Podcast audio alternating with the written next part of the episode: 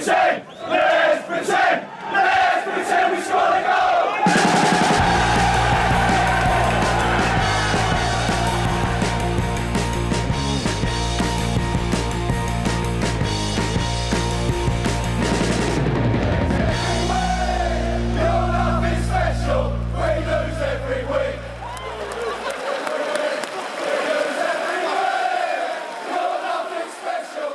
Hjärtligt välkomna hälsar vi då till Sportbladets Premier League-podd eh, tisdag förmiddag. Vi har en full omgång att plöja igenom. Det är ett fruktansvärt eh, tempo i matchandet just nu. Det är både Champions League plus ett par hängmatcher i Premier League i veckan och sen till nästa helg så är det, så är det full fart igen. Hur hinner man med Frida? Eh, ja, nej, man gör inte så mycket annat än att titta på fotboll och gå på fotboll eh, just nu. Men det är väl, det är väl trevligt. Lite Det är väl kul. mysigt. Lite kul också med lite Champions League, att det blir något annat eh, mitt i veckan. Så att det, ja, det finns mycket att, att göra och hålla koll på. Onekligen. Hur håller du dig eh, eh, ajour med allt som händer, eh, Makoto? Eh, ja, det är en väldigt bra fråga. Håller jag mig ajour med allt som händer? Det vet man ju inte om, om man inte är ajour. Men eh, ja, det är väl ungefär samma sätt att bara titta på fotboll och hålla sig uppdaterad. Och det finns ju inte mycket annat att göra. Så att eh, man ska väl inte vara tacksam mot eh, pandemier överhuvudtaget. Men man har ju inget annat att göra i och med den. Så att då blir det ju väldigt mycket ajourande av fotboll. Eh, jag tänkte vi skulle börja med det som hände allra senast faktiskt idag. Nämligen det att Chelsea besegrade Newcastle med två mål mot noll. Och man gör det efter mål av Olivier, Olivier Giroud och Timo Werner. Är det så att Thomas Tuchel håller på att få fart på Timo Werner? Vi hyllade honom förra veckan efter en fin, fin insats där han visserligen inte eh, gjorde mål. Men nu, nu var, höll han sig framme. Ja, det gjorde han. Eh, Jag var ju på plats på matchen och fick ju eh, ja, följa Werners framfart. Eh, Och jag kan ju säga att Thomas Tuchel var ju inte nöjd med honom egentligen fram tills han gjorde målet. Det var rätt så många gånger när ja, men Werner slarvade bort bollen på något sätt som liksom Tuchel vrålade någonting på tyska och slet sitt hår i princip. Men eh, han har ju också varit noga med detta att säga att han verkligen, verkligen vill att det ska släppa för Werner någon gång. Och efter att han då hade gjort en sån där sedvanlig miss när han missar från liksom någon meters avstånd så eh, till slut så dimper bollen ner hos honom på en hörna och sen så nästan liksom släpar han in bollen i, i målet och det var säkert otroligt skönt för honom för att tycker ändå att de senaste matcherna har han varit bra. Eh, han har bidragit, han kanske inte har bidragit med mål men han har gjort eh, ja, men lite assist, han har ordnat fram straffar och andra sådana här matchavgörande saker. Så att eh, ja, efter knappt tusen spelminuter så kom äntligen det där eh, målet. Det säger ganska mycket. Sen, sen står jag väl fast vid ändå att jag, jag tror inte att man kan förlita sig på Timo Werner enkom. Eh, nu såg man ju här att eh, Giroud fick ju komma in efter att Tammy Abraham hade skadat sig olyckligt i samband med en duell med Lascelles. Det fanns väl också Eh, många som tyckte att det borde ha varit straff. Det ser ju ut som att Lasells visserligen kanske gör en bra tackling men han kapar ju också Abrahams ben på kuppen. Ehm, så att det var lite diskussioner kring det men VAR klev inte ens in och, och ehm, rotade i det beslutet så att spelet gick vidare. Men eh, det är ju när Giroud spräcker den där nollan så tror jag också att det kanske lättade lite på pressen hos Werner. Um, för att då kände väl Chelsea att de hade full kontroll på matchen för att Newcastle var ju de var inte bra, de, de var aldrig med i matchen i princip. Och stackars, stackars Emil Kraft hade ingen enkel kväll. Eh, alltså redan för, jag tror det hade hunnit gå fem sekunder innan eh, Steve Bruce vrålade hans namn för första gången den kvällen. Och sen, sen tog det aldrig slut och det, det blev aggressivare och aggressivare. Det, i, I början var det lite mer så här, ja, please son, liksom ligg närmre Marcus Alonso. Men sen så efter en kvart kanske, ja, då vrålade han någonting om fucking, eh, ja, liksom att han, Emil Kraft bo, alltså måste ligga betydligt närmare och förhindra då att Marcus Alonso tog avslut eller eh, drog iväg ett inlägg. Samma då med Werner som också hjälpte till att överbelasta Newcastles högerkant. Så att ingen lätt uppgift för dem. De hade i princip ingenting. Ska väl tilläggas också att de ju dras med en hel del skador just nu. Bland annat Callum Wilson som har varit viktig för dem är borta. Fabian Schär är också borta. Mankio då är borta. Så att de, de lider ju av eh, de avbräcken också. Men Chelsea hade full kontroll. Eh, Kovacic var fantastisk igen. Vilket han har varit nu under i princip alla matcher han har spelat under Tuchel. Och ju var förra säsongen också en av Chelseas bästa spelare då. Det är synd bara att han inte har någon slutprodukt för att hade han bara haft det så tror jag att, att det hade pratats mer om honom och att folk hade hyllat honom betydligt mer än vad man gör nu. Men nej, han, var, han var väldigt bra så att även om Chelsea går ner sig lite i andra halvlek och Kepa av alla får eh, sträcka ut lite vid något eh, Chelsea, eh, Newcastle-avslut så var det en, i slutändan en bekväm seger för Chelsea som Ja, bara ångar på i princip. Det, han har ju fortfarande inte förlorat Tuchel så att det får man ju, får ju anses vara en succé. Får man, var det bara jag som när du pratade om Emil Kraft och Steve Bruce att jag föreställde mig Steve Bruce gå in i en sorts alla Nedvall-form och bara skrika Emil! Fast på engelska då. ja, problemet är ju, det, det som tar bort liksom själva effekten är ju att han skriker Emil. Ah, Eftersom att de inte, de inte säger, de kan inte säga Emil. Ah, ja, så det, är det, det var lite synd för att eftersom att Emil Kraft är från Småland också så hade man ju lätt kunnat dra den här eh, den kopplingen. Men eh, tyvärr så, så mm. lite för anglosaxiskt uttal från Steve Bruce. Han måste, han måste jobba på det där. Liksom. Emil? Nej, det, det håller inte.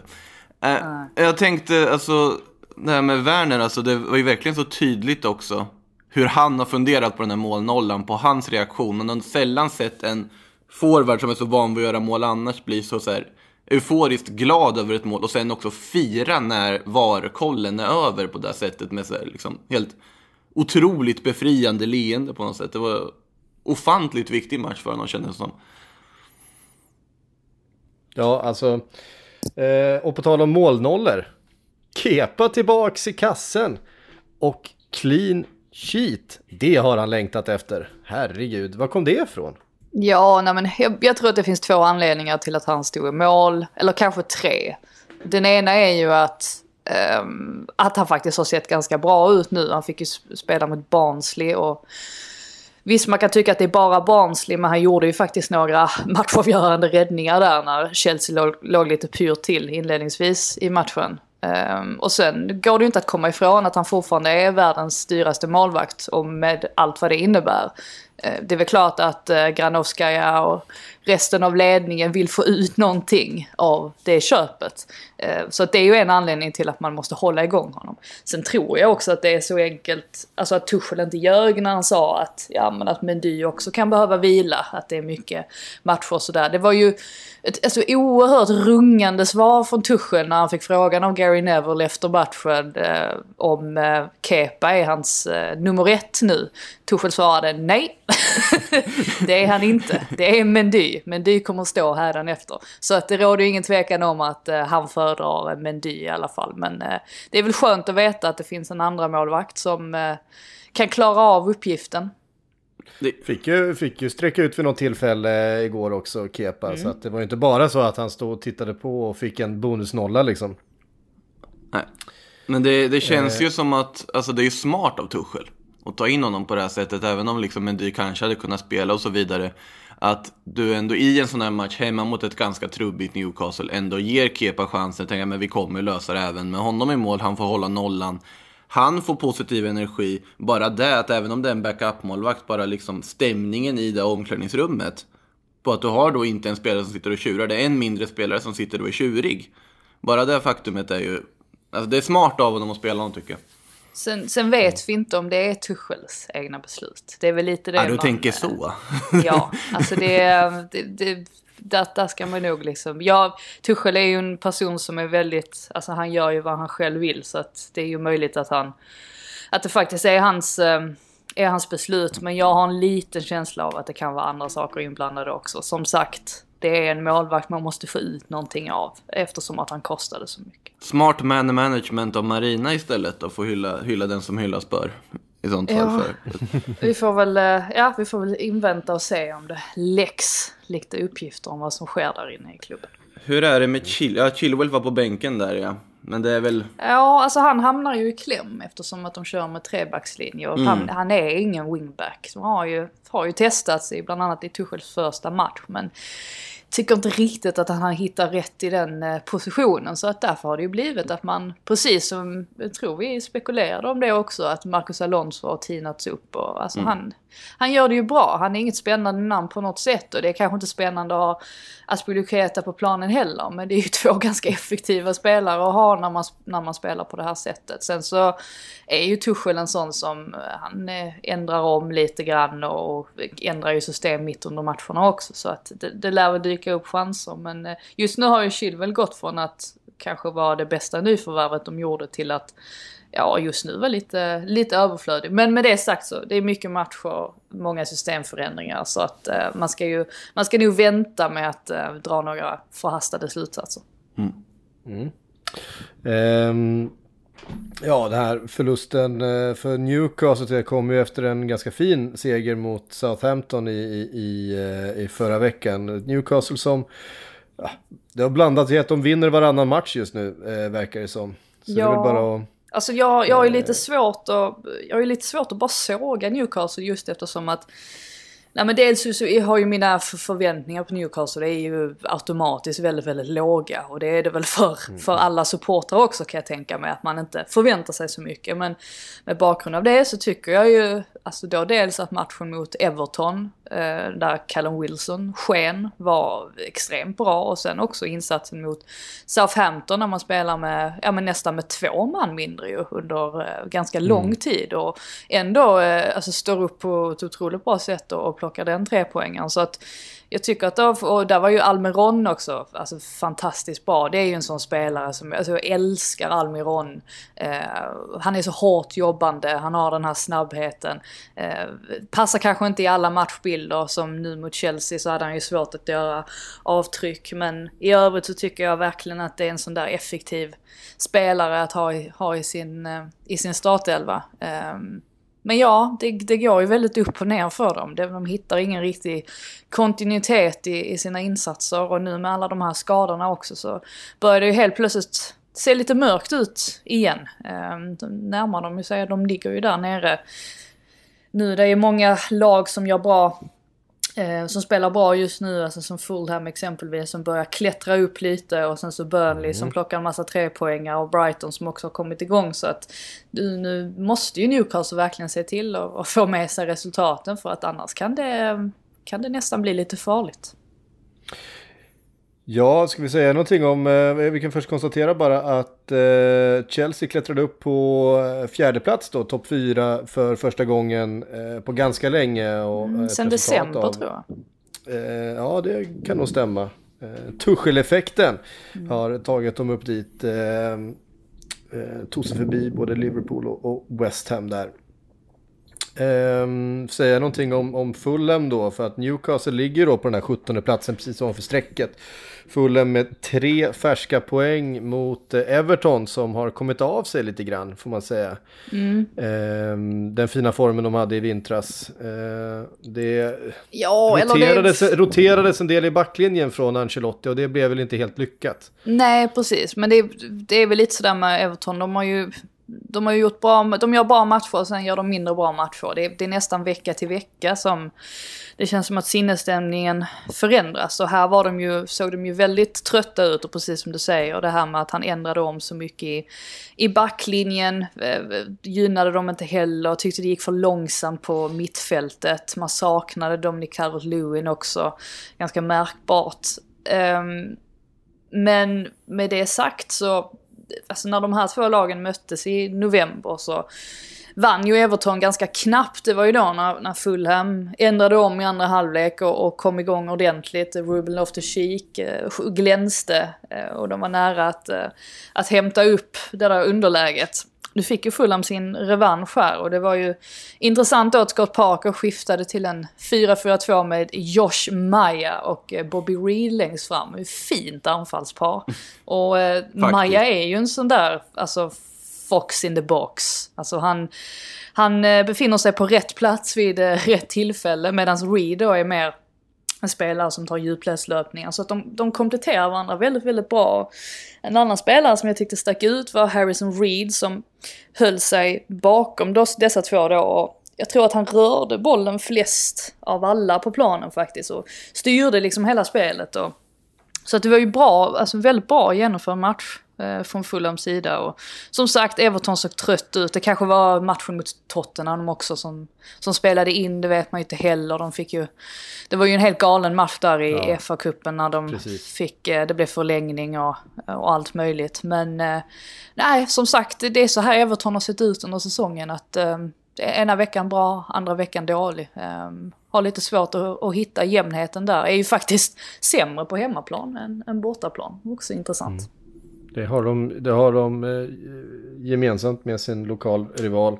Som man ju möter på lördag här. Det är ju det är ett tufft schema för, för eh, Everton just nu. Det var FA Cup, eh, lång match, eh, förlängning och, och, grejer mot, eh, mot Tottenham i FA-cupen förra veckan. Och sen så var det då den här matchen i söndags, eh, förlusten mot Fulham på hemmaplan. Sen så är det hängmatch mot City på onsdag på hemmaplan och sen ska man till Anfield på lördag. Eh, det är gott om stora viktiga matcher just nu för, för det här laget. Det, det blir en utmaning den här veckan med både, både City och Liverpool. Ja. Eh, helt klart. Hur, ehm, eh, ska vi se här, vi eh, går vidare till, eh, ja men vi går vidare till Manchester City-Tottenham då. Eh, som spelades i eh, lördags. Ehm, en, ja, en till sån här övertygande seger för Manchester City som, eh, men vi har varit inne på det. Det där som vi såg för ett par säsonger sedan när, när de bara plockar fram ångvälten liksom.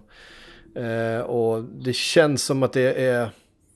Alltså det, det, känns när de kliver ut på planen på förhand som att de, som att de har ett mål upp på motståndaren hela tiden. Eh, och jag har varit inne på det, jag tror inte att Manchester City tappar speciellt många fler poäng den här säsongen, om jag ska vara riktigt ärlig.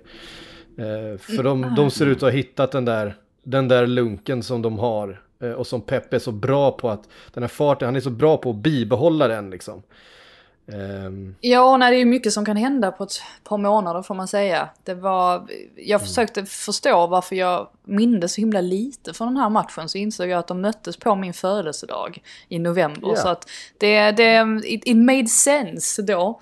Um, men som sagt, där blev det ju Tottenham som gick segrande ur efter att ha mm Ja, alltså haft ett taktiskt system som verkligen straffade City det här med att Cissoko och Höjbjerg klev ner som några sorts extra eh, försvarsspelare och sen så stämde ju omställningsspelet på ett sätt som det inte gjorde i det här mötet.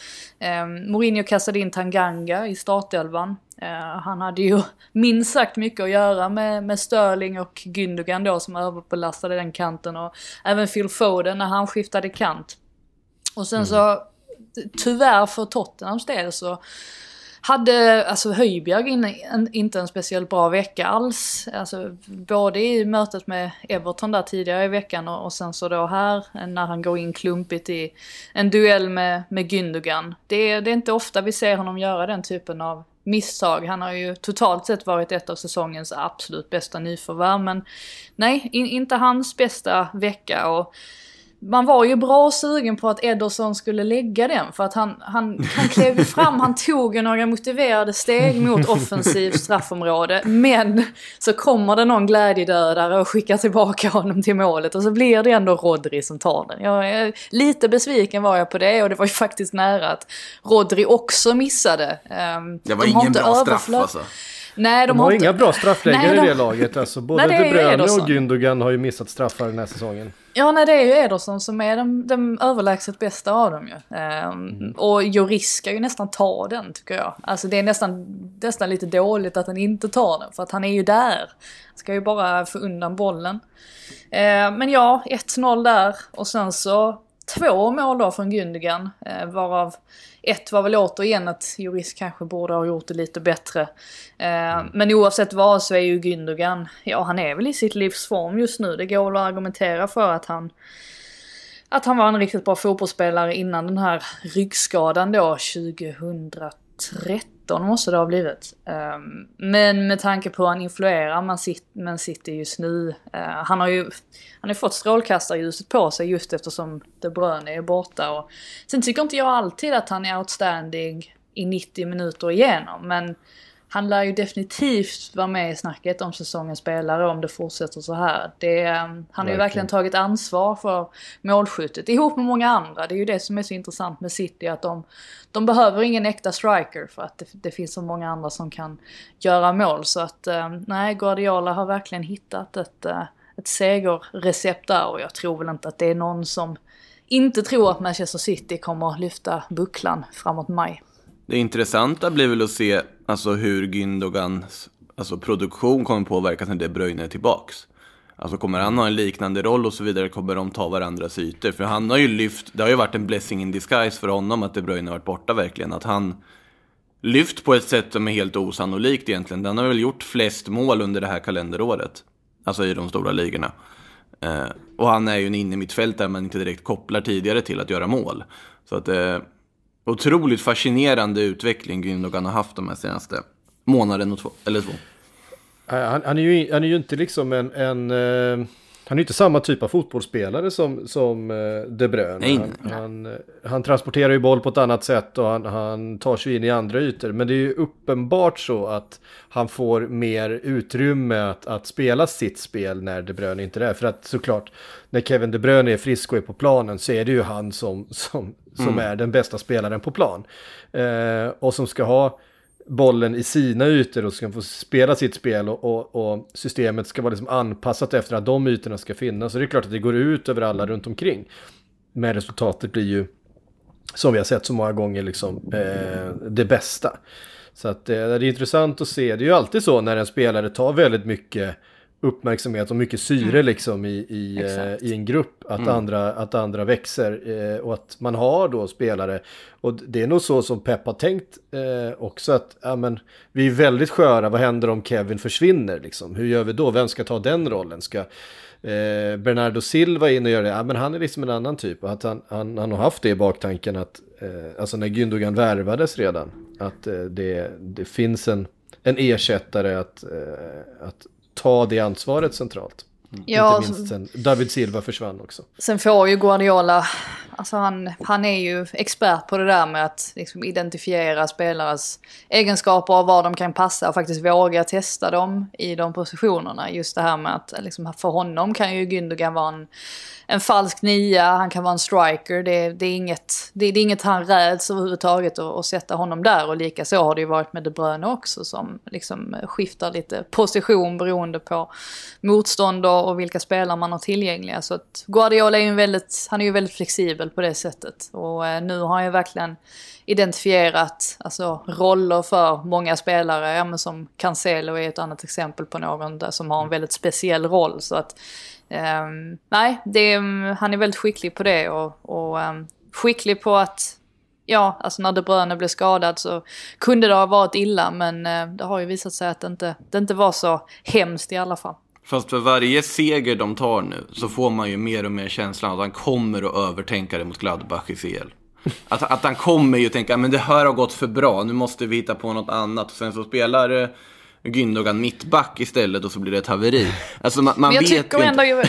Ja, men jag tror att eh, alltså är det någonting Guardiola gör så är det att han lär sig av sina misstag. Jag, jag tror inte han gör om gör det misstaget det? från CL förra, förra säsongen. Det, han han lär sig av att göra inte just den taktiska utmanövreringen av sig själv, men han kommer ju hitta på någon annan. Det är lite den känslan Att han jag... övertänker saker ja. emellanåt. Det, ja, så, men det... Så, så, är det ju. Men för ja, varje absolut. seger också. Och som, och som sagt, alltså, när de åkte ur Champions League förra säsongen, då, då var det ju precis den känslan som fanns i truppen. Och det var ju därför det började pratas om att Pep Guardiola kanske inte mm. kommer träna City så länge till just för att det fanns ett missnöje kring att han ofta övertänker grejer. Men som sagt, jag, ehm, så länge han, alltså, nu har han ingen anledning heller att peta i en sån grej som försvaret exempelvis. Så att det, ehm, på det sättet så har han ju, kan ju tillägga det också att Ruben Diaz exempelvis inte spelade den här mm. matchen. Han hade varit lite sjuk, lite krasslig så att det blev Laporte och det såg ju väldigt bra ut det också så att de problemen har han ju inte längre utan nu är det ju liksom de offensiva bitarna som eh, måste pusslas ihop där framme och än så länge gör han ju det bra. Man ser till och med positiv Ruben Diaz-effekt när han inte är med på planen, kan man väl säga. Alltså att Laporte och Stones plötsligt fungerar så pass fläckfritt som de ändå gjorde här. Pratas ju om att eh, de vill stoppa in Håland i det där laget och då vet vi fan vad, som, vad, vad resten Kan ska lägga göra. ner, kan lägga ner eh, ligan? Alltså, alltså det, kombinationen Kevin De Bruynes assistfot och eh, Haalands eh, målsinne och närvaro i, i offensivt straffområde. Det är ju en kombination man inte ens vågar tänka på. Det låter helt fruktansvärt verkligen. Ja, från Liverpool-supporter gör det. Ja, nej men alltså för alla motståndarsupportrar. För alla som, någon, som kan tänka ställas mot det här laget. Jag vet inte hur, hur man eh, ska hantera det riktigt. Ja. Men eh, ja, det, det, blir, det är ju intressant på, såklart, på många sätt. Man ska väl lyfta Rodri också. Alltså även om straffen är bedrövlig, han har ju också lyft sig. Precis som alla andra och börjar ändå hitta in i den där vattenbärarrollen på ett sätt som man kanske inte gjorde under sin första säsong. Eh, Nej, men jag tror det har hjälpt honom också att de, att de eh, spelar så med, med inåtvikande Ah. ytterbackar och samt då har ett, ett stabilt försvar. Alltså han blir inte lika blottad som han blev tidigare. Och det är, jag tycker fortfarande inte att Rodri är någon Fernandinho överhuvudtaget. Alltså jag, jag är inte, alltså Ja, alltså jag kan tycka att det är lite läskigt ibland när Rodri hamnar eh, liksom själv i de situationerna. Men eh, så länge försvaret fungerar så då fungerar han också eh, väldigt bra i passningsspel och sådär. Mm. Vi säger någonting om Tottenham också då. Vi har ju bara konstaterat att det inte lyckades lika bra som, som förra gången de möttes. Det såg... Eh, eh, ja. De var det sämre laget den här dagen. Eh, och de, de lyckades aldrig komma upp och riktigt utmana överhuvudtaget känns det som. Nej, så är det ju. Och eh, alltså nu börjar de ju tappa mark också, är nere på en nionde plats. Det är ju väldigt tätt i, i, eh, i tabellen där, men det är ju såklart att det kanske är ett, miss, det är ett misslyckande med tanke på att man i, i höstas pratade om titlar och, och sådär, att man hade Ja, att man låg väldigt bra till i tabellen. Men det det är ju försvarsspelet främst som inte har hållit de här senaste veckorna. Och då att, alltså när man inte kan förlita sig på sitt omställningsspel heller, då har man inte så mycket kvar. Tyckte dock att, alltså den offensiven i matchen mot Everton var ju faktiskt fantastiskt bra. Eh, det, var, det var inte, man, man det hängde inte på Harry Kane direkt, han kom ju in efter ett tag. Eh, men det var många olika målskyttar. Däremot så var ju, alltså försvaret var det, det existerade ju inte. Det gjorde i och för sig inte Evertons försvar heller, men eh, i Tottenhams fall så är det ju där själva akilleshälen har varit de, de senaste veckorna. Och det är ju någonting Mourinho som man kanske tror att han borde få ordning på och som man fick ordning på under ett tag. Men nu är det nästan som att man tagit något steg tillbaka. Däremot så tror jag ju inte att det börjar på, alltså, det kanske pratas lite om att åh, ska man inte byta ut honom eller sådär. Jag, jag tror inte att det kommer att hända. Eh, alltså Livi älskar Mourinho, eller älskar, man har alltså väldigt mycket respekt för honom och dessutom så skrev The Athletic häromdagen att det inte finns någon sån här eh, alltså utköpsklausul i Mourinhos kontrakt heller. Så att det hade ju blivit en dyr historia att göra sig av med honom. Så att jag är ju övertygad om att han kommer att bli kvar. Men det är väl klart att alltså så pragmatisk som han är att sätter man inte försvarsspelet då då, då finns det ju inte så, så mycket att skryta med längre. Mm. Ja, ehm, vi eh, går vidare till på, ja vi var inne på efterlängtade mål och så vidare för, för Chelsea. Ett efterlängtat eh, hattrick. Får man säga. Alla hattricks är väl ganska efterlängtade, men, men för, för Aubameyang tror jag att det kändes. Eh, han har gjort många hattrick i sin karriär, men han- eh, han- han det här fan- måste han vara ett av de skönaste. Han var fan gladare än vad Timo Werner var. När han Ja. gjorde de målen. Det, herregud vad han lyste upp. Det Fast var han lyser ju fint att se. alltid, han ser väl alltid ganska glad ut? Nej, Alltså, han har inte gjort det. Inte de senaste månaderna. Det har inte varit samma nej, nej, men det är för att han inte gjort mål. Alltså som person Nej. så känns han ju liksom gladare än vad Timo Werner gör. Ja, absolut. Men, men det är mer att jag tror att... Jag tror faktiskt att det här med att han tvingades åka, eh, åka hem och hälsa på sin mamma då som var sjuk. Jag tror att hur, hur trist den anledningen än var så var det säkert ett välbehövligt avbrott, avbrott för honom. Nu också för jag, jag tror att hans mammas eh, mående har stabiliserats också så att det, det gör ju saken ännu bättre. Eh, jag tror att han behövde den det breaket och eh, komma tillbaka lite mer fulltankad av, av energi. För att det säkert, alltså dels har han säkert varit trött precis som alla andra spelare har varit eftersom att säsongen, säsongerna har gått i ett. Men också det här med att det har blivit så otroligt mycket press på honom, eller har varit otroligt mycket press på honom under en väldigt lång tid. Och nu, kanske förhoppningsvis för hans del, så kan han slappna av lite mer när han har alla de här spelarna runt omkring sig också som kan leverera bollarna till honom. För att det har ju varit ett problem annars, särskilt också när han har spelat som central forward, att han kanske har blivit lite för anonym. Men äh, ja, återigen, jag tyckte nästan att den här startuppställningen var lite, gav lite Wenger-vibbar ändå. Med Saka och Smith Rowe och Ödegård. Äh, kul att se att äh, han både äh, integrerade Ödegård och Smith Rowe i, i startelvan. Jag tycker ju att Alltså Saka och Smith Rowe, jag, jag bryr mig inte om vilken högsta nivå Ödegård, Ödegård har. För att Sa Saka och Smith Rowe, de är helt opeppbara. Man kan inte peta dem ur startelvan. Alltså med tanke på allt de gör och allt de, och samma i den här matchen också. De, de glänste ju, eh, minst sagt. Tycker Ödegård också gör en väldigt bra match. Men ihop, de tre, så kompletterar de varandra väldigt, väldigt fint. Jag tror också att Arteta tänkte lite grann på vad som komma skall. Att det är ett särskilt tajt schema nu för, för Arsenal. Så att det kan också spela in. Och sen kanske jag tar det lite, lite långt, men Bamford sa ju tidigare i veckan här någonting om att Alioski såg fram emot att möta sin gamla polare Nicolas Pepe. Så att Kanske att det också spelade in, att han inte spelade. Att uh, Arteta kände att ett till rött kort har vi inte råd med. Uh, men överlag så gör ju Arsenal en, en väldigt bra match, eller i alla fall två tredjedelar av matchen är är väldigt, väldigt bra. Och Bielsa sa ju efteråt också att det svåraste för Leeds var att försöka neutralisera det centrala mittfältet med Xhaka och Zedbajos. Tycker att båda de här två gör fullgoda insatser. Tycker att Xhaka är den, den, alltså ännu bättre och alltså han förtjänar att hyllas ännu mer än vad han vanligtvis gör. Det är väl klart att han kan åka på något hjärnsläpp då och då men överlag så har han varit extremt viktig de senaste veckorna. Och gör ju också då att de här spelarna där fram kan blomstra eh, lite grann som de vill för att de vet att det finns den täckningen bakåt. Och eh, ja, alltså all den här rörelsen där fram ihop med Aubameyang då, de, det gav ju några fantastiska anfall och, ehm, och mål. Och sen kapitulerar man ju lite i den andra halvleken och släpper in Leeds i matchen. Jag tror dels det hängde ihop med bytena. Så bland annat William då som kom på istället för Smith Rowe. Och sen tror jag också att några spelare blev lite trötta. Vilket syntes. Alltså Ceballos är en sån som har en tendens att helt plötsligt så bara tar energin slut i honom. Eh, men eh, totalt sett såklart en match som ehm, man ehm, ja, alltså borde vara väldigt nöjd med.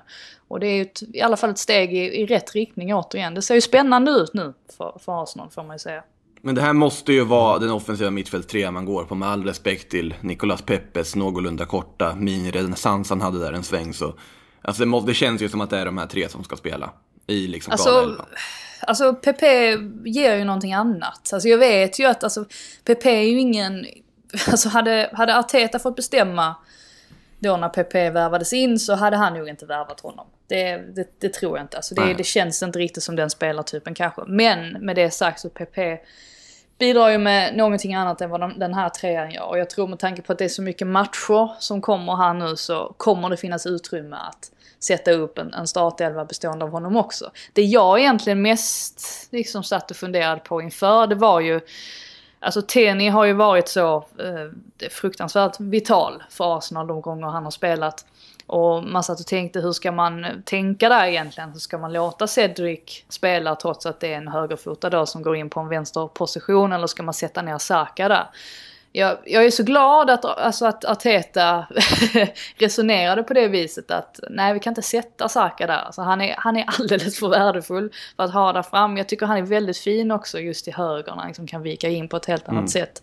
Och ordnar ju fram den här straffen också. Så att um, det, det är ju det är ju positivt för Arteta och för Arsenal att han ändå har många spelare att kunna kombinera och alltså olika sätt att spela på också. Och där är ju Ödegård en, en stor del i det, att man får ytterligare en dimension till eh, truppen. Så att ja, helt plötsligt så ser det ju ganska lovande ut ändå. De har ju fortfarande en bit kvar i, i tabellen, så är det ju. Um, men um, ja, jag tycker ju inte att man, man borde inte ge upp en Champions League-plats än i alla fall. Det, det är ju dit man får sikta på, även om det är många lag som, som slåss om dem just nu. Primära målet för Arsenal här och nu måste väl ändå vara att få fira St. Totteringham's Day för första gången på ett tag. Ja, Alltså, Det är jämnt nu. ja, det, det är ju inte... De är, det är ju Fast inte det... Nej, men vadå, det kan man väl inte göra? Alltså, eller vad menar du? Det är ju, det är ju, det är, alltså de ligger ju efter i tabellen fortfarande och har en Ja. match Jo, men alltså så att möjligheten att få fira det i slutet av säsongen existerar ju fortfarande. Det är det jag menar. Ja, fast, ja, fast du vet, Arsenal, det, det bryr jag inte Vi om. får väl se. Eh, Jag bara säger att möjligheten finns. Det var allt jag sa. Ehm, vi ehm, eh, tar oss vidare till West Bromwich. 1 mot Manchester United 1. Det var ehm, ett Manchester United som jagade segern men kanske ett West Brom som till slut var närmast tvåan. Eller vad säger ni? Ja, Det var ett fruktansvärt bra läge han hade där. ja eh, det, det var mycket som handlade om eh, Diagni, eh, får man Ja. säga. Från, eh, från början till slut. Eh, stackars Victor Lindelöf fick känna på hans styrka där efter, redan efter 90 sekunder. Mm. var ju en intressant situation på det sättet att första gången man såg den så tänkte man ju men herregud Lindelöf stod upp bättre. Och sen när man fick se reprisen då när Diagni i princip alltså, håller händerna för hans ögon så tänkte man att det där, jag hade ju inte blivit, jag kan inte säga att jag hade rasat om målet hade blivit bortdömt.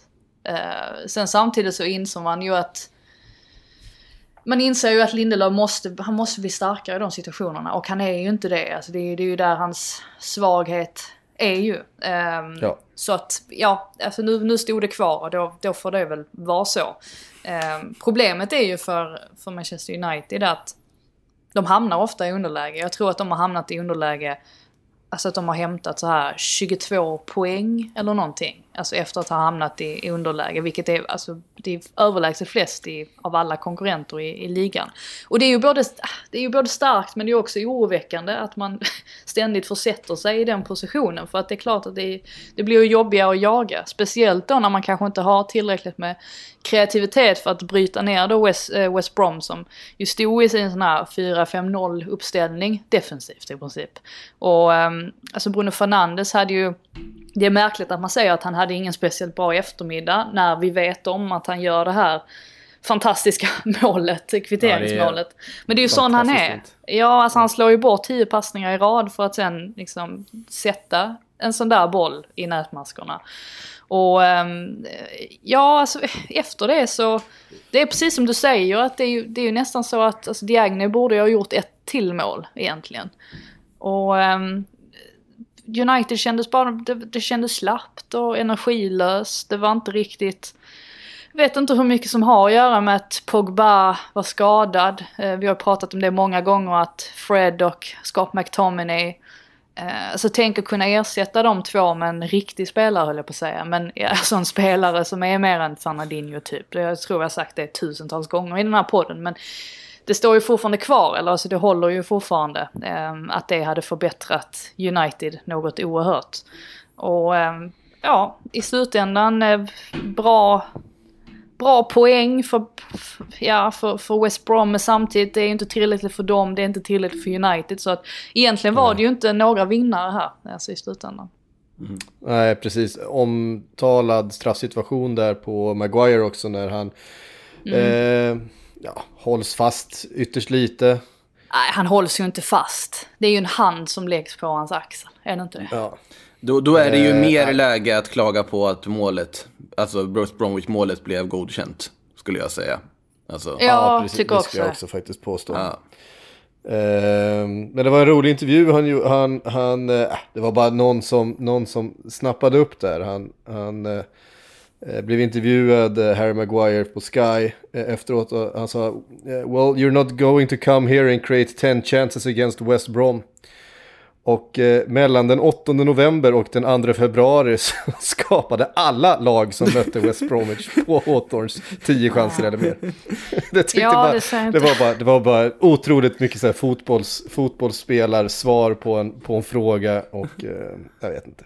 Det, Ja, det det- han- han var ju faktiskt- Maguire på något sätt, men. Nej, han var ju ganska frispråkig Maguire han gjorde ju en intervju med MU TV också efteråt. Och där han gick till, eh, ja men han försvarade Lindelöf bland annat. Som man tycker får alldeles mycket, för mycket skit. Och det kan man väl delvis hålla med om som svensk. Att eh, Lindelöf får väldigt mycket skit. I det här fallet var det kanske befogat att han kunde ha gjort det bättre och så vidare. Men det, ja, det var ju fint att se ändå att, att Maguire tog honom i, i försvar. Um, och sen så gick han ju, eller han, Maguire kritiserade ju även, eller hintade ju om att det är Klopp och Mourinho som har påverkat domarna, vilket gör att United inte får några domslut med sig längre. Det var ju, ehm, det, känns som att det här är en pajkastning som kan pågå väldigt länge så här fram och tillbaka. Att så fort något er av lagen får med sig något, något domslut så kan den ena gå ut och säga någonting i media och sen så får de tillbaka det några veckor senare. Eh, Det är ju sant att Jörgen Klopp har kritiserat att de har fått, eller kritiserat, man har påpekat att United får väldigt många straffar med sig. Mourinho har ju också gjort det eh, såklart vid flera tillfällen.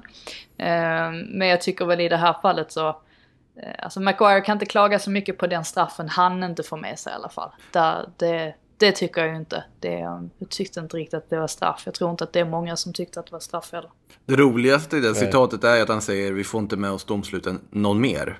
Så att han liksom så här indirekt erkänner att ja, vi, vi fick ju med oss ganska mycket för. Det som är liksom det roliga med det. Att Ja. vi, får inte, vi har inte fördel av domarna något mer. Att, ja, det, var, det var lite roligt tyckte jag. Ja, eh, nej men som sagt som du var inne på Frida, det var en eh, match med, med få vinnare. Det var väl ingen som var riktigt nöjd över, över Nej, den poängen. Eh, det. det är klart att West Bromwich är mer nöjda eh, att de tar poäng mot Manchester United, men, men de är ju i en situation där de behöver så mycket mer. Eh, Leicester 3, Liverpool 1. Det var ett lag som var väldigt nöjt och ett lag som, som befinner sig så långt under isen som man inte har gjort på eh, ja, men nästan under, ja, men sen under hela Klopps tid i, i Liverpool så har det ju inte varit så här eh, dystra miner. Leipzig eh, ikväll. Klubben. Är det va? Leipzig ikväll och en möjlighet eh, kanske att få... Eh, nej men det, det är ju en, så att säga, alltså Champions League, där har man ju alla möjligheter att kanske eh, få tillbaks någon av den här eh, optimismen som liksom har präglat eh, Klopps tid i Liverpool eh, fram tills den här vintern då. Eh, får man säga. Eh, Champions League är också en, en, eh, en liga där, där Liverpool ju brukar göra ganska bra ifrån sig. Ja, men, Men- jag tänker Syk, du får kanske börja, du får börja kolla på första halvleken bara och sen stänga av. Så lämnar du ju den kanske matchen med en god känsla i kroppen. För att det känns lite som att Liverpool just nu, alltså de senaste matcherna, de har, de har ju gjort väldigt bra insatser inledningsvis. Och sen bara kollapsar de mentalt. Ja, nej, alltså det, det, det märks att det är, det är så oerhört sköra psyken eh, på, på spelarna just nu. Att de är väldigt, det är väldigt oroligt. Eh, man har inte riktigt det där självförtroendet eller det där som blev liksom som en, vad, vad säger man? Eh, som har blivit nästan som en floskel. Eh, mentality monsters som eh, Klopp kallade dem. Det är ju raka motsatsen nu. Eh, verkligen, och, och det är det som är det stora problemet. För att spelmässigt tycker jag att det såg ganska bra ut. Jag tycker... alltså, Ganska bra Alexander- ut, de var ju jättebra. Ja, de, så, så, alltså Trent gör en jättefin match. En Ja. spelare som har haft svårt att, att Verkligen. komma upp i form. Jag tyckte han såg, han kanske inte, han såg nästan ut som sitt bästa jag. Eh, målet är ju jättefint. Eh, Firmino gör det, gör Firmino saker och Salah gör Salah saker. Eh, och allt var liksom på något sätt frid och fröjd. Eh, rent spelmässigt så, så blev det ju till slut då det, de två ingredienserna tycker jag som har definierat den här eh, kollapsen den här vintern. Det ena är eh, den mentala svagheten som gör att man liksom rasar igenom och det andra är Thiagos försvarsspel. Eh, för att Thiagos försvarsspel har kostat så många poäng den här säsongen eh, och han, eh, han får ta ett alldeles för stort defensivt ansvar på det där mittfältet för att de defensivt drillade mittfältarna spelar mittbackar. Eller är skadade. Och det är det, som, det är det som händer här också. Ja, jag, vet sen- att du har en, jag vet att du har en utförligare analys, så att jag lyssnar på dig. Nej, men det var ju mest att alltså, när, när den här matchen blåses av, alltså dels så, för att det var Harvey Barnes som blev utsedd till man of the match. Och ärligt talat så hade jag velat ge den utmärkelsen, utmärkelsen till Mohamed Salah trots att Liverpool då förlorade. För att som sagt, jag tyckte ju att Liverpool hade varit så mycket bättre fram tills då det här eh, skiftet sker och det är ju när eh, Ayose Perez kommer in i den 74 minuten. Då ser man hur han, för då, då hade jag kanske förväntat mig att han kommer gå upp, liksom eh, ligga längst fram och sen så kommer det bli helt meningslöst precis som det, det brukar göra. Men så ser man hur han liksom gestikulerar till eh, både Jamie Vardy först och sen så går han fram till Barnes. Och menar då på att nej, vi kommer köra med er up front. Och sen så Perez lägger sig då som i nummer 10-rollen och eh, petar ut eh, Madison lite på kanten. Och jag har i alla fall inte sett det här, jag försöker tillbaka och se också om de har spelat på det här sättet tidigare. Men jag har inte sett det så att um, jag tror um, jag tror nästan att det här kan ha varit en lite ny grej för det gjorde att att um, Brenna Rodgers helt enkelt skiftade till en, en diamant på mittfältet. Och det är ju lite det som ställer Liverpool här och jag tror faktiskt att det kan ha påverkat särskilt då alltså mittbacksparet också med, med Kabak då som ju var ny så att det är inte så lätt att och göra sin debut och då helt plötsligt får inte bara Jamie Vardy att försöka hantera utan även Harvey Barnes och sen så Och resten då. Ja, jo men precis det också. Men eh, ja, alltså det är ju, en, det är ju nästan komisk kommunikationsmiss eh, dem emellan där. Och det, det kanske, där får man väl skylla på egentligen att... att Jag kan eh, faktiskt hålla mig för skratt, eh, om jag ska vara riktigt ärlig. Ja, nej, men det, där får man ju nästan skylla på att Kabak var, är, är ny, känner inte kanske till Alisson riktigt. Alisson, jag kan ju omöjligt säga om han har signalerat tillräckligt tydligt att han är först, först på bollen. Men det är ju det är uppenbart att det här är två spelare som inte har spelat med varandra speciellt länge, så kan man ju säga. Men det är ju egentligen det, den, föränd, den taktiska förändringen från Rodgers, det är egentligen det som som gör att de vinner matchen i slutändan för att de här lägena skapas. Sen är det klart man kan peka på att den här frisparken exempelvis, vad är det för minus fot som är offside? Alltså det är ju minimalt. Det hade ju kunnat bli bortdömt, eh, men stod kvar då. Och eh, man har ju otur på det sättet att det är en målvaktsmiss och sådär. Men eh, i det stora hela så, så var det ju där man, man vann matchen. Men med det sagt, när, vi, när slutsignalen görs så satt man ju och undrade vad, vad det egentligen var som hade skett. För att Liverpool var ju faktiskt alltså väldigt bra fram tills, ja, fram tills det började gå ut för där i med kvarten kvar. Alltså med Ayose Perez, alltså även om det kanske inte är han som var direkt inblandad, men bara att hans intåg då förändrade alltså, taktiken och ställde Liverpool, kan man säga att hans alltså, är en av de mest tongivande spelarna som blivit inbytt och utbytt på den korta tiden han var på planen. För alltså, det, det är väldigt sällan någon som blir inbytt och utbytt och hunnit ha en effekt på en matchbild. Utan då har de varit Ja, helt det är Han var faktiskt utbytt också. Ja, det är sant. Det ehm, Det måste ju ligga ganska högt ändå. Ja, men som sagt jag, jag var bara, det var så kul också att kunna liksom, liksom spola tillbaka efter matchen och verkligen, liksom, verkligen studera vad, vad det var som hände. Och precis som du var inne på också psyk så det är ju en sån här sak som man inte riktigt kunde se Liverpool alltså, förorsaka för ett år sedan. Alltså då, då, då hade inte den här kollapsen kommit. Men nu är man så pass ja, fragila att eh, ja, man, man kan försätta sig i den här positionen. Men det är det som gör också att jag säger att det är många som är fullkomligt övertygade om att Le- Leipzig kommer gå vidare i Champions League. Alltså anledningen till att jag fortfarande tror att Liverpool kommer greja det, det är ju just för att det faktiskt har sett ganska bra ut spelmässigt de senaste, de senaste veckorna. Att det ändå har funnits, alltså flashar från den här högsta nivån som de har. Um, Sen får vi se, det kanske blir en mental kollaps igen. Men um, som sagt, jag tror ändå att det är lättare att fixa till, en, fixa till det än att, um, ja, att det skulle vara så mycket fel på... Alltså nu har de ändå fått upp vissa spelare i form igen. Alltså precis som du sa, Alexander Arnold exempelvis. Det, är- jag tror nästan att det är viktigare på något sätt att, att de spelarna börjar komma igång. Ja. Eh, nej men det är ju, och det är tre raka förluster. Eh, det är Brighton City och eh, Leicester. Och jag tycker att i, i perioder av alla de här tre matcherna så har det sett riktigt bra ut. Ja.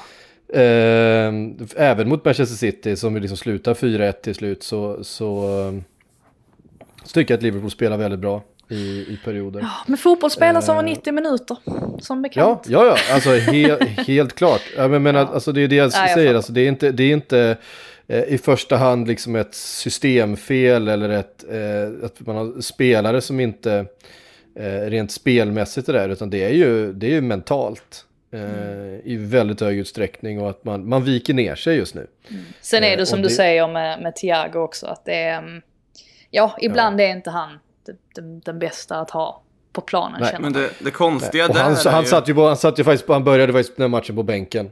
Eh, och för jag tror att Klopp har sett samma sak. Att han, han hade eh, Milner, Wijnaldum och, och Curtis Jones eh, på det mittfältet eh, från start. Och nu tvingas då också Milner kliva av med en skada igen. Så att det är ju Fabinho skadad. Eh, och som sagt Henderson i, i försvaret. Eh, och ja, Thiago har inte den defensiva. Han är inte liksom, han är inte den, den fotbollsspelaren som ska vinna en massa, en massa närkamper runt eget straffområde.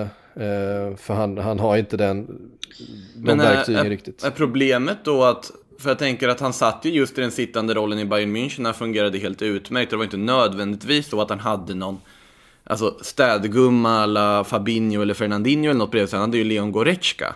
Som snarare är en tvåvägsspelare på ett, på ett annat sätt lite lik Wijnaldum då. Eh, inte så mycket jämförelser i övrigt, men alltså är det sättet Bayern han hade München... riktiga mittbackar bakom sig. Ja, det också. Han har riktiga mittbackar bakom sig, men det sättet Bayern München spelar på. Alltså att, att på något sätt att du, du har så pass mycket boll och så pass mycket kontroll på matchen att du kommer inte sättas i de lägen som Thiago nu sätts i, i det här laget som inte fungerar lika fläckfritt. Ja. Men sen är det väl kanske så också att det är ju lättare att spela. Alltså Bayern München är ju ett lag som alltså, nästan alltid har alltså, oerhört stort bollinnehav. Och, eh, alltså för matcherna. Och Liverpool har inte gjort det alltså, alltid de senaste Nej. veckorna. Och eh, då tror jag inte riktigt att han passar i... Eh, alltså jag tror att det blir övermäktigt då för honom med tanke på att det finns två eh, ja, alltså ganska orutinerade mittbackar bakom honom. Och han då inte har någon kanske som kan täcka upp för honom ordentligt. Ehm, så att, ja, men eh, vi får se, vi får ge honom fler chanser. Det är klart att det har ju varit en, en eh, tung period för, eh, för många spelare där. Ehm, Liverpool som nu har då blivit passerade, inte bara av Chelsea utan även av West Ham. Efter eh, 3-0 mot eh, Sheffield United. Sheffield United som fortsätter gå tungt, gå trögt. Eh, Jag har, nästan, eh, eh, jag har nästan glömt bort Sheffield United. Jag kommer på mig själv med att när jag ser liksom att de ska spela, tänker jag, "Eh, just det. De ligger också i Premier League. Alltså De- att det de- nästan blir ett...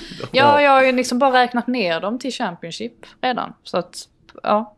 Men fortsätt. Ja, och känslan börjar väl bli att de själva har gjort det också faktiskt.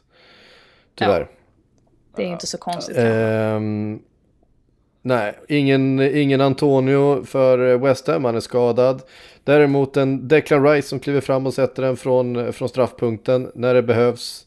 Ehm, och ja, alltså West Ham och David Moyes, de, eh, de, har, de har skaffat sig den där eh, lägsta nivån som eh, gör att man, man vinner den här typen av matcher och dessutom fått in då en Jesse Lingard som ser frejdig ut tycker jag. Ja, Eh, och för sen första så... gången på ganska många år. Ja men precis, sen får man inte glömma bort heller att de spelar alltså med eh, Bowen i, eh, i den här matchen som striker. Och det var ju Mm. någonting man satt och tänkte i januari att alltså hur kan man släppa Sebastian Allaire och sen inte ehm, och sen inte ersätta honom men, men Bowen har ju ehm, gjort det alltså väldigt, väldigt bra. Han är, ju, han är ju väldigt nyttig på så vis att han har den här snabbheten och farten och ehm, ja, alltså väldigt, väldigt effektiv att ha längst fram på det sättet att han sätter lite griller i huvudet på, på motståndarförsvaret. Och ja, det funkade ju uppenbarligen utmärkt i det här fallet. Ja, det, det är fascinerande att se ett West Ham som fungerar på det här sättet. Alltså det, och att göra det med David Moyes. Man har inte riktigt förstått eh, vad de håller på med. Det är ju det är en helt enorm bedrift det David Moyes gör just nu i West Ham. Och man undrar ju hur, hur kommer hans aktier se ut i sommaren? Ifall det här fortsätter. Kan vi, är det David Moyes tillbaka på allvar nu? Liksom? Spelade en, spelade en eh, 5-4-1 kan man kalla det va? Ja, med- det kan man väl kalla det. Med, eh, med eh, ehm, ja, eller en 3-5-1 eller beroende på hur man... Eh, eller förlåt. 3-6-1. Eh, vad blir det? 3-6-1. Ja, hur man nu vill, vill eh, eh, ställa upp det. Men eh, det, det får uppenbarligen utdelning och det är ju inte... Eh, men det, är, det är liksom ändå en flexibel David Moyes. Som eh, får ut det mesta av det här laget. Och, det är ju spelare som Thomas Suchek, eh, Declan Rice, alltså rejäla fotbollsspelare som gör det hela tiden och de, de, de är där och de levererar. Det, det är väldigt imponerande. Det är, det är, sagt, det är, så, det är lite flair liksom i det här laget. Och det är ju det, det är ju David Moyes på något sätt. Han är inte så mycket flair. Men det, det är kompetens. Eh, och det, det gillar man ju ge utdelning liksom. Det finns något poetiskt vackert i att det är just ett West Ham som man oftast bara har skrattat åt och i princip räknat bort inför säsongen. För att vi kommer tippa dem högt men de kommer aldrig lyckas. De kommer slåss för nedflyttningsstrecket ändå, vilka spelare de än ställer på plan och vilka de än värvar. Med ett David, en David Moyes som man alltid tänker, men åh nej, har de anställt honom, den karln? Uh, att det där liksom går ihop i en symbios och funkar på det här sättet finns något oerhört vackert i det ändå. Mm. Uh, 3-0 blev det även i matchen mellan Crystal Palace och Burnley. Crystal Palace som inte alls uh, kom till spel den här dagen. Det stod 2-0 efter bara 10 minuter och sen så ja, var det inte så mycket mer med det. Var känslan Nej. i alla fall. Ja, det är ingenting som fungerar nu för Crystal Palace. Och um, alltså dels är ju försvaret kan man ju ha sin, kan man ju ifrågasätta med tanke på vissa av de här målen de, de släpper in mot Burnley. Uh, men också att, alltså, att Hodgson uppenbarligen inte hittar rätt där i offensiven. Alltså han fortsätter med sitt 4-4-2 och satsar ju nu på Batshuayi och Benteke längst fram. Och tycker liksom att det är waste på något sätt att peta ut Esse i den där rollen på, på kanten. Alltså han borde vara mer involverad på något sätt. Sett honom som tia eller någonting. Eh, jag tror att det hade gett betydligt mer till Crystal Palace offensiva spel, särskilt nu när Asaha saknas. Um, I Burnleys fall så måste man ju hylla dem också, att, um, att de tar den här trepoängaren uh, så säkert. Och en jag alltså vill hylla lite extra är faktiskt en sån som, um, som Lowton. han är alltså 31 år gammal. Och man tänker ju sig att man kanske inte kan utvecklas speciellt mycket som spelare då. I och för sig, Hilke Gündogan har ju, men han har ju ändå hållit en, en högre nivå än vad ja, ja. Lawton har gjort. Något högre än Matthew Lawton inom åren kanske. Ja, men um, han har ju um, alltså verkligen visat framfötterna nu de senaste veckorna. Jag tycker att han har varit väldigt, väldigt bra i, i princip alla matcher. Um, både då i defensiven, uh, men här då att han kliver med upp och drar in det där väldigt fina målet. Så att, um, nej, cred till, um, till Sean Dyche på det sättet. Han har ju en väldigt åldrande startelva. Men eh, det är ju fint att se att han kan utveckla de gamlingarna då också. Eh, det här är ju verkligen den sista matchen på liksom Premier League-schemat man skulle förvänta sig att kunna tänka sig se en trebackslinje. Det är så uppenbart att det kommer vara 4-4-2 mot varandra i en sån här match. Det är väl den mest uppenbara på kalenderåret liksom. Det finns ju inget annat. Ja, alltså Roy har ju faktiskt mixtrat lite under säsongen. Det ska man ge honom i någon match. Mm. Men eh, nej, han verkar inte vilja ta ut svängarna mer än så. Och eh, Sean Dyche, alltså jag... Visst, alltså han får li lite mycket, vad säger man, stick. Alltså att man... Eh, ja, att man kanske, alltså inte hånar honom, men att man kanske skrattar lite åt det här att Burnley kör sin 4-4-2 eh, vecka ut och vecka in. Men jag tycker att Sean Dyche är en, alltså är han inte lite underskattad ändå som tränare? Jag tycker att han är väldigt, väldigt skicklig och det är nästan så att man hade kunnat tro att om man tänker att Hodgson kommer troligtvis ersättas i sommar. Jag kan inte se att han kommer få förlängt. Visserligen så vore det sjukt om Sean Dyche hade tagit över Crystal Palace med tanke på att ja men det är fortsatt där 4-4-2. Man vet ju att Crystal Palace en gång i tiden ville ändra på det och, och plockade in The Board. Det gick ju åt skogen. Men eh, att, man, att man gärna ville mer åt det hållet, alltså rent spelmässigt. Men eh, annars tror jag att Sean Dyche hade gjort det väldigt bra i Crystal Palace. Lite mer pengar, det är lite osäkert nu också kring de Burnleys nya ägare. Jag är inte säker på att Sean Dyche kanske ens vill stanna där. Uh, tycker ändå jag bara, jag bara föreslår att det kanske att det kanske kommer att hända. Större möjlighet till att sitta och uh, känna igen folk på pubbar också i London än vad det är i Burnley kanske. Så att det finns mer för Daesh att göra. Ja, det vet jag inte. Jag tror han är, han är nog känd både i Midlands och i... Nej, jag menar spe- leka lookalikes som han pratade om där på den där presskonferensen. Det var väl det jag tänkte liksom. Det finns, finns mer möjligheter, mer människor att välja på. Eh, men alltså när 4-4-2, alltså det är det sista Crystal Palace ska göra är väl att ta in någon som vill spela samma typ av fotboll. Men det var du inne på lite också Frida. Jag, jag ser ju snarare Ja, att ta någon... De har ju gjort misstaget en gång. Kommer de, gör de verkligen det misstaget två gånger? Ja, men du kan ju välja något intressantare än Frank de Boer också. Ja, nej men absolut. Men det, då ska man, få, ska man ordna den tränaren också. Det är inte så lätt. Vi ser ju nu till exempel, alltså om vi tar, nu är det ju ett helt annat exempel, men en klubb som Bournemouth som nu håller på att försöka leta efter en tränare. Och visst, de har ju, de namnen som nämns är ju Patrick Vieira eh, och David Wagner. Men det visar att det finns inte så många tränarnamn ändå som bara kan gå in sådär om man, om man är liksom garanterad att det kommer att bli ett nytt kontrakt. För det är det Sean Dyche gör ju oftast. Alltså han, Ja. han är ju eh, en garanti på det sättet. Och det, jag tror att det kan vara lite skönt för en klubb som Crystal Palace som nu sitter med lite ekonomiska svårigheter också på grund av pandemin. Att man får, man får in någon som man vet om, men han grejer nytt kontrakt i alla fall. Och det är kanske det viktigaste just nu. Men jag vet inte, det, är bara, det var bara en tanke. Jag sitter och funderar igenom hela La Liga-floran av tränare här, vem som man skulle kunna plocka in. Men... eh, Xavi Gracia, då blir psyk glad. Ja men faktiskt, faktiskt. Ja, Varför men är inte? Varför inte? Tycker han gör det Nej men ändå. han är ju också, han gillar ju 4-4-2. Jo, men alltså han eh, förespråkar väl inte en lika... Vad ska man, jag vet inte om man ska kalla det pragmatisk, om man ska säga liksom fotbollen som Sean Dyche kör, om ni förstår vad jag menar. Jag tror att Ja ändå- men han är, det jag gillar med Xavi Gracia var ju att han kunde, kunde anpassa sig väldigt enkelt. Ja. Alltså att han, han kände ju ett tag där med Watford, nej men det bästa för oss är ju att köra en 4-4-2 och då gjorde han det. Och sen kunde han eh, alltså ändra också och spela lite roligare så att säga. Eller mer Han kör ju en underhållande. 4-4-2 i Valencia också naturligtvis. Ska jag tycka. Ja, jag kan tänka mig det. Han är också rätt rolig. Ja, jag gillar honom. Ja. Eh, ja, vi har en match kvar som vi inte har pratat om. Det var 0-0 matchen mellan Brighton och Aston Villa. Jag har helt ärligt inte sett speciellt mycket av den. Så Jag jag lämnar gjort över till Frida som eh, har. Southampton Wolves också kanske. Ja, just det. Den har jag ju glömt. Den har jag faktiskt sett lite av. Men vi börjar Eh, Brighton. Men vi tar Brighton och Aston Villa först. Ja, vi kan väl, eh, man behöver inte säga så mycket mer än att det är Emmy Martinez som eh, räddar eh, Aston Villa i den här matchen. Brighton var så mycket bättre rakt igenom. Eh, Men kan hade- inte göra mål. Nej, eh, tyvärr hört inte i den här förut? matchen heller. Den, den har vi hört förut. förut ja. Eh, vilket är trist för deras del för de eh, hade ju mått bra av att få en trea och hade verkligen förtjänat den också. Eh, ska ju sägas att jag tror Martinez gör åtminstone, alltså är det fyra, fem riktigt, riktigt bra räddningar. Så att så pass nära var de ändå, eh, Brighton i den här matchen. Som sagt, Aston Villa gick inte alls att känna igen.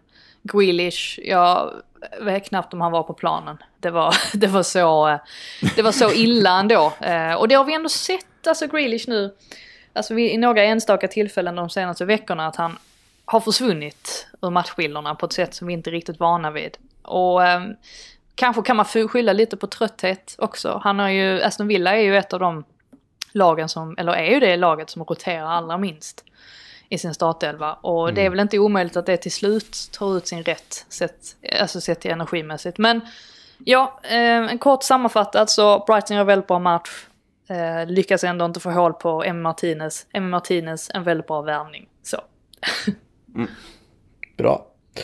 Eh, och sen så hade vi eh, Southampton Wolves då. Southampton som ju hade ledningen. Danny Ings efter eh, 25 minuter. Men eh, Wolves gjorde något som man kanske inte har varit så kända för den här säsongen. Eh, tog sig i kragen och vände på steken. Ehm, de kommer ju från en, eh, en ganska blek period där under vintern. Eh, Wolves. Det har ju sett liksom halva, det är ju den där segern mot Arsenal eh, som de har. Annars har det sett eh, Jo, det mållöst länge ut. Vad sa du? Ja. Alltså det var, ju så, det var ju så väldigt länge sedan de möttes ju. Eh, Ja, det är ju 2 februari så det är ett par veckor sedan. Eller du menar, ja du menar, oj! Alltså förlåt, nu tänkte jag, jag tänkte att du menade bortamötet mot eh, Arsenal. Jag trodde Ja, du menade... Det- det- Jag glömde, det är nästan, jag, jag glömmer att de vann den matchen mot Arsenal just eftersom att de inte borde ha gjort det. Nej, det var två, jag, två röda korten där. Och... Ja, eh, jag luras, jag luras av det. Men det är ju de två matchen i den, eh, eller de två målen i den matchen är de enda målen de har gjort här nu sen mitten på januari eh, fram tills eh, matchen mot Southampton då. De saknar ju Jiménez nog oerhört. Ehm, Ja, inte Och- bara, alltså det är ju det är ju hela spelet som inte har fungerat. Alltså det, har, det har inte sett bra ut helt enkelt. Är, um, nej, och han har ju ändå hamnat lite under press Nuno. Um, just eftersom att det väl har känts som att de liksom nästan har tagit kliv bakåt istället för att då liksom ta kliv framåt som de pratade om inför säsongen. Att nu ska vi ändra spelsystem och vi ska bli mer bollförande och, och sådär. Det har ju inte riktigt, det har inte riktigt blivit så. nej. Jag har ju sett att det är en svår säsong att, att göra stora förändringar i. Att det, det, eh, vi pratade om det förra veckan en hel del ju. Eh, om Chelsea, vad vad, var, är det deras problem att man har ingen tid på tränings träningsplanen eh, den här säsongen för det är så tätt matchande. Och det här med att spela in nya spelare och nya system har varit väldigt, väldigt svårt. Ehm, och de lagen som har fått göra liksom, stora anpassningar är de som har straffats mest. Och ehm, Wolves släppte ju faktiskt ett par viktiga spelare, eh, ett par inspelade spelare. Um, Doherty och, och Jota och liksom jag, skulle jag, jag, tror nog, eh, jag tror nog Tottenham kan skicka tillbaka Dorothy. Jag tror inte att de har någonting emot det. Nej, för det är ju samma sak där. De har ju haft svårt och, ja, de har ju visserligen lyckats, lyckats spela in ett par spelare, framförallt Höjbjerg då. ehm, som har kommit in och, och, och gjort skillnad. Men ehm, eh, vi får nog lägga Wolves på det kontot också, som har haft, haft, eh, blivit påverkade av eh, att eh, inte kunnat förändra och spela in eh, nya system och nya, ny personal helt Jag, enkelt. jag skulle nog, eh, jag kan nog till och med gå så långt och säga att den här andra halvleken mot Southampton räddade Nunos jobb. Jag tror att han hade legat riktigt risigt på det. Jag tror det var så pass. Ja, det tror jag. Det är möjligt. Alltså fint att se John i en startelva igen. Alltså det var ju ett tag sedan. Ja. Alltså det, det, det tror jag också är att få det här hotet ändå på vänsterkanten i wingbacken och ha Semedo på andra. Att jag tror ändå det kan, alltså Marzali i all ära, han är inte riktigt den typen av offensiva kraft som Johnny ändå kan vara. Som bara liksom ligger på kanten. Jag tror att det är ganska viktigt för dem att få in den spelaren igen och är redo att spela. Men Psyk, vad tycker du om Minamino i Southampton? Eh, ja, alltså gjorde ju fantastisk debut eh, med ett fint mål där. Jag såg inte så mycket av den här matchen. Det var sådär med ena ögat så att jag, jag kan faktiskt inte, inte bedöma det. Men han har ju uppenbarligen kommit in och fått spela fotboll. Vilket, eh, vilket ju är positivt. Han har ju, han har ju fina kvaliteter. Eh, var ju bärande i det liksom fina eh, Red, Bull, Red Bull Salzburg som han var, tillhörde då före han kom till, till Liverpool. Och, eh, ja, som sagt, jag, jag kan inte bedöma det så mycket från den här matchen för jag såg, såg den för lite. Nej, jag får kanske ge dem lite mer tid. Ja. Jag kan tycka, nu inte om mina minnen, men det är ju noterbart att Mohamed Salisu fick komma in för Southampton här också. En mittback som jag kände att det var ett superkap när man värvade i somras, men har varit skadad och inte fått speltid. Det är ju en spelare man verkligen, skulle jag säga, borde försöka få in och acklimatisera in i startelvan. För att det han visade i Real Valladolid i La Liga förra säsongen gjorde att det var väldigt stora klubbar som var ute efter honom. Där kändes det som att Southampton hade gjort superkap. Man har inte riktigt fått chansen, så jag hoppas att det här inhoppet han fick nu bara var liksom början på att man kanske väljer att slussa in honom. All ära till Västergård och Bednarek, men det borde gå att peta någon av dem och gå in där. Yes, eh, vi har som sagt som vanligt fått eh, lite frågor. Vi, eh, ja, vi har redan dragit över lite grann men vi, vi slänger in ett par ändå. Pastor Johan skriver Tror ni att Tuchel har en långsiktig plan att få in Ziyech i startelvan? Just nu känns han väldigt långt ner i frysboxen. Diskutera gärna vilken roll han eventuellt skulle kunna spela i ett Tuchel-system. Ja, Bra precis. fråga. Alltså, det är ju en väldigt intressant eh, diskussion med Hakim Ziyech. Just, just eftersom att det dök upp en massa rykten nu också om att han eh, vill bort från Chelsea i sommar eh, och sådär, vilket ju är en riktig tvärvändning med tanke på att man såg honom, alltså innan den här skadan han åkte på i mötet med Leeds var det väl, så tyckte man ju att han var Chelseas kanske allra bästa spelare då ihop med, ja, Thiago Silva i backlinjen. Eh, men nej, har inte riktigt fått eh, chansen, eller har ju fått chansen till speltid under tuschen. Man har väl inte riktigt gläns på det sättet som många andra spelare har gjort. Och nu verkar ju Tuchel föredra den här uppställningen med Hudson Odoi som en sorts ja, alltså wingback, nästan lite falsk wingback för att han ligger så väldigt högt och då som kombinerar med Mount och sen så kör han då Werner och Alonso på, på andra kanten som kombinerar och sen så då med en striker längst fram. Och, Eh, det är väl klart att det finns utrymme att spela Hakim Ziyech också, men eh, så länge de här spelarna gör det bra, vilket de har gjort det nu, så är det klart att det blir svårare för honom att att ges chanser eller att han måste upp på en sån nivå att han eh, presterar bättre än de här. Och eh, ja, vi får väl se som sagt, alltså Tuchel, det är ju, han kommer säkert ändra spelsätt, alltså tio gånger om eh, den kommande veckan. Alltså, han är ju på det sättet så att vi, jag tycker inte man ska räkna bort Hakim Ziyech än och jag tycker nästan att det vore lite dumdristigt att göra det med tanke på vilken högsta nivå han besitter som vi har sett tidigare under säsongen. Eh, men det är väl klart att det just nu eh, ryktas rätt mycket om och ser ut som att han kanske inte är helt nöjd med sin situation. Mm. Eh, en annan spelare som eh, det finns ett, ett, gäng frågetecken kring. Herr Larsson har skrivit så här. Eh, varför envisas Arteta med att byta in William när han och vi andra ser samma sak? Vårt spel går i stå, vi släpper in mål och William ser ju helt under isen ut. Ja, alltså jag är inte... Jag är ju benägen att eh, hålla med här. Jag tycker inte alltid att Arteta gör eller tar rätt beslut när han byter ut spelare. Jag har full förståelse för att han måste byta ut en sån som Smith Rowe exempelvis efter ett tag. För att det är, det är sällan han kan göra 90 minuter. Alltså han, han springer ju så ofantligt mycket så att det är inte så konstigt att han till slut mm. springer in i väggen. Men jag håller ju med om det här om att jag tycker inte att, tycker inte William har varit så bedrövlig som det kanske har målats upp de senaste veckorna. Men jag tycker samtidigt inte att han bidrar med sådär jättemycket. Um, alltid. Och eh, han har ju definitivt inte varit uppe på den nivån som Arsenal-fans hade hoppats på. Eh, alltså den, den nivån som han var i Chelsea förra säsongen. Så att, ja, jag kan samtidigt fatta kanske att, att man vill ge honom chanser med tanke på vilket kontrakt han sitter på och sånt. Men eh, jag är benägen att hålla med om att det, det är inte så att man skriker av förtjusning när han snörar på sig skorna. Ehm, man blir inte, man blir inte extatisk om man säger så eh, direkt. Det känns ju som en spelare vi kommer få prata om med så här deadline-fönster inom loppet av något år i alla fall. Med att ska de lyckas skicka iväg honom på lån och bli av med den löneposten för stunden. Eller att det slutar med att han Arsenal får betala en del av hans lön och han går iväg på lån någon annanstans. Det känns som att det, det fanns stor potential i den världen man gjorde den, för den är fortfarande en väldigt bra fotbollsspelare i sina bästa stunder. Men det känns ju som i det här Arsenal så håller jag med dig helt Frida, att han, han tillför ju inte jättemycket med tanke på vilka andra spelare de har där just nu. Nej.